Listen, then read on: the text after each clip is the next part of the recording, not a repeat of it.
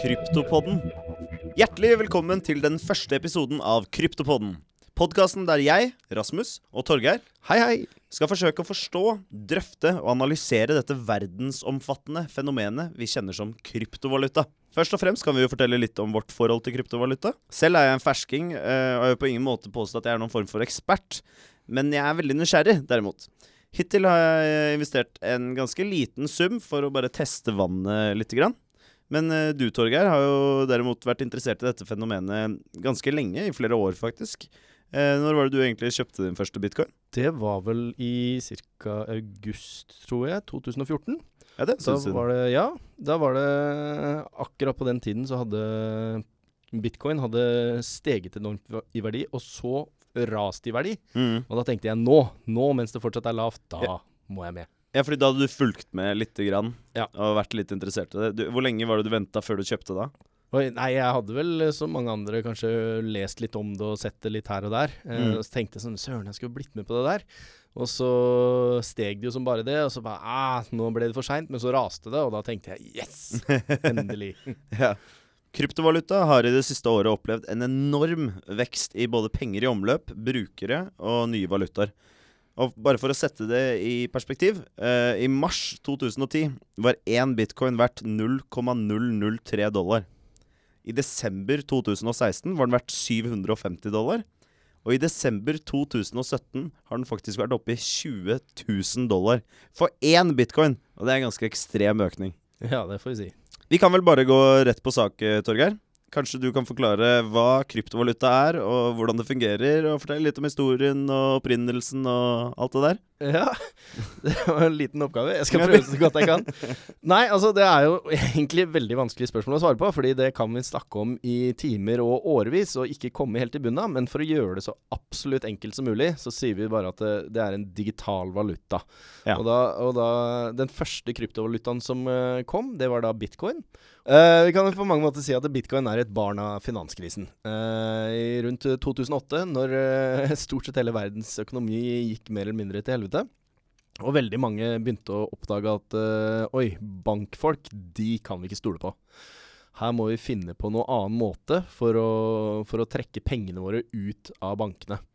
Og da var det en eller annen person uh, som kalte seg for eh, Satoshi Nakamoto, som kom med et forslag og sa hei, jeg har en sånn greie som jeg kaller for bitcoin, og det tror jeg kommer til å løse mye av dette her. Ja, rett og slett ville finne et alternativ som ikke ble styrt og kontrollert av the government eller the man. Ja, det kan vi si. Og det baserer seg på en rekke nye eh, ny teknologi som, som på mange måter er ganske banebrytende.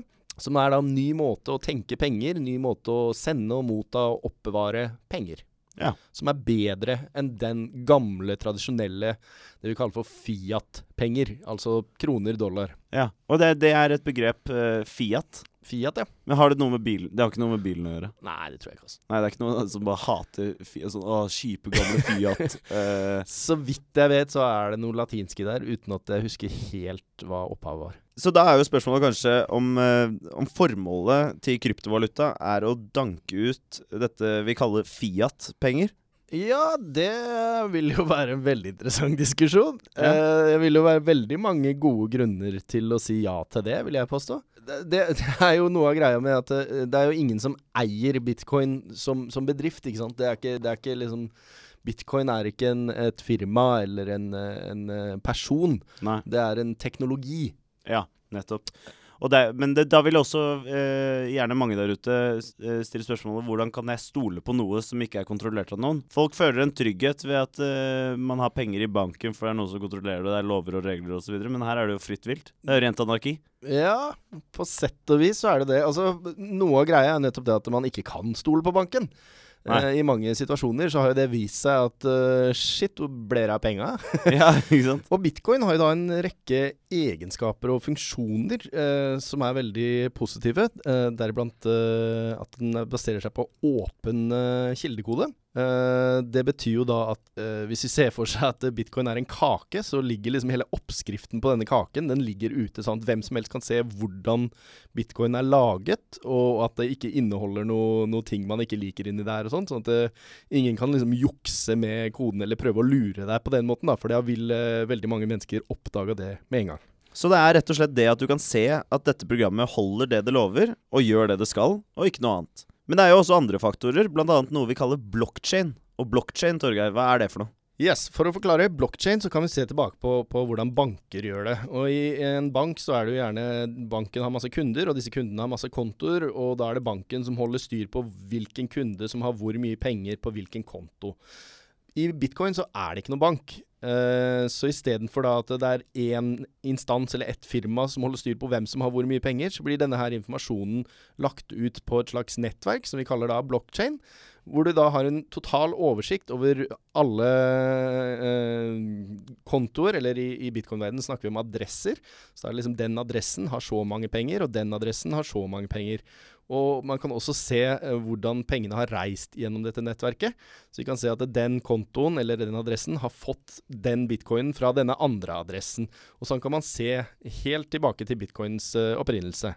Og det er nettopp dette her som gjør at vi kan si at bitcoin er desentralisert og desentralisert. Hva er det som egentlig ligger i det begrepet? Jo, det er jo nettopp det da, at det ikke styres av uh, noen. Ingen har totalt kontroll.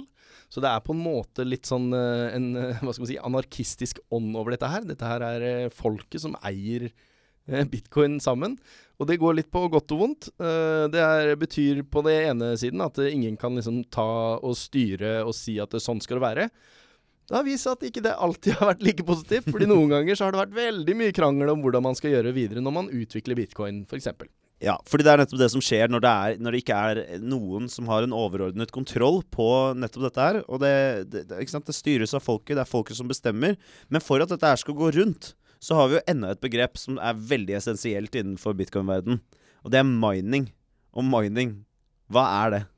Det som er med bitcoin, er jo at eh, det er jo et eh, bestemt beløp eh, totalt bitcoin, og det kommer stadig litt flere og flere og flere bitcoin. Og disse bitcoinene må da graves fram, eller mines fram. Og måten det skjer på, er det at eh, hver gang noen sender penger fram tilbake, hvis jeg f.eks. skal gi deg én bitcoin, så blir det lagt til som et forslag til en transaksjon.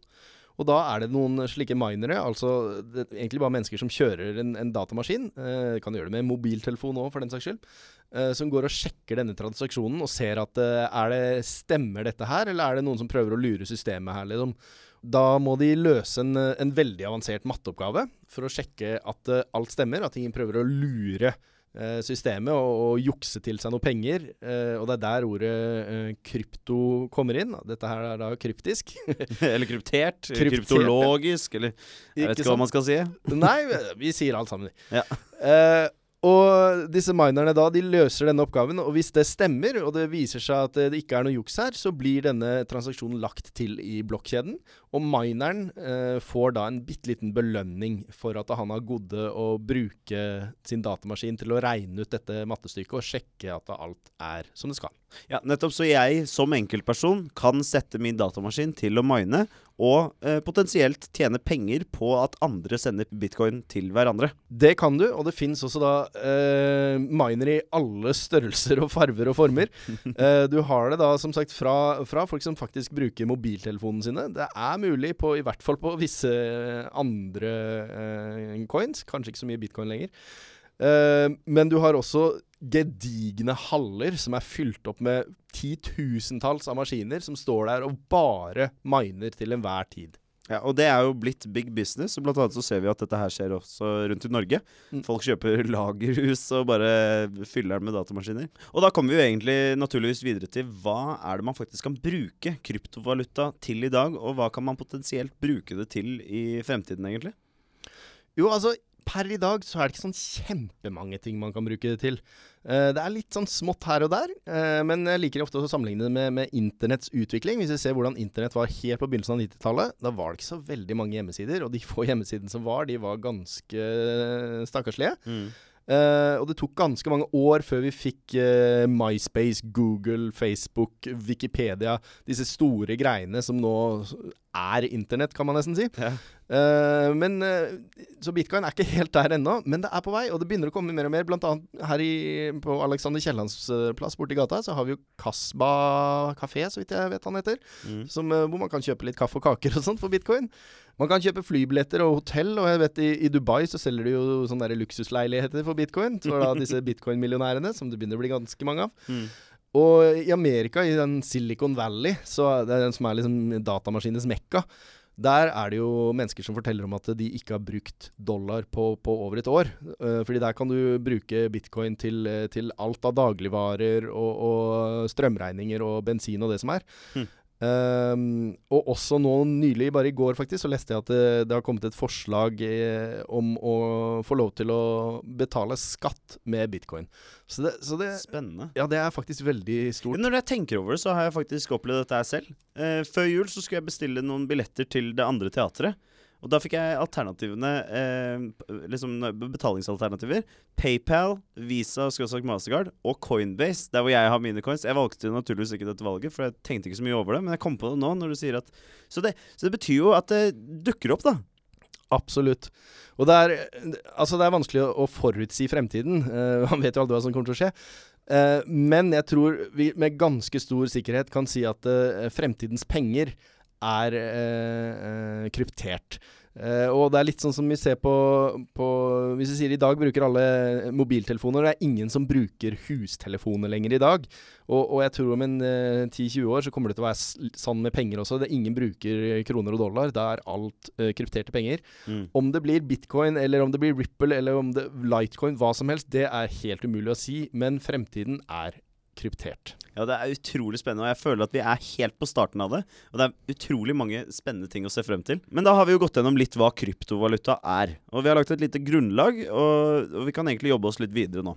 Eh, I neste episode så skal vi gå gjennom hvordan du kan handle dine første bitcoins. Tusen takk for nå. Ha det bra. Monster.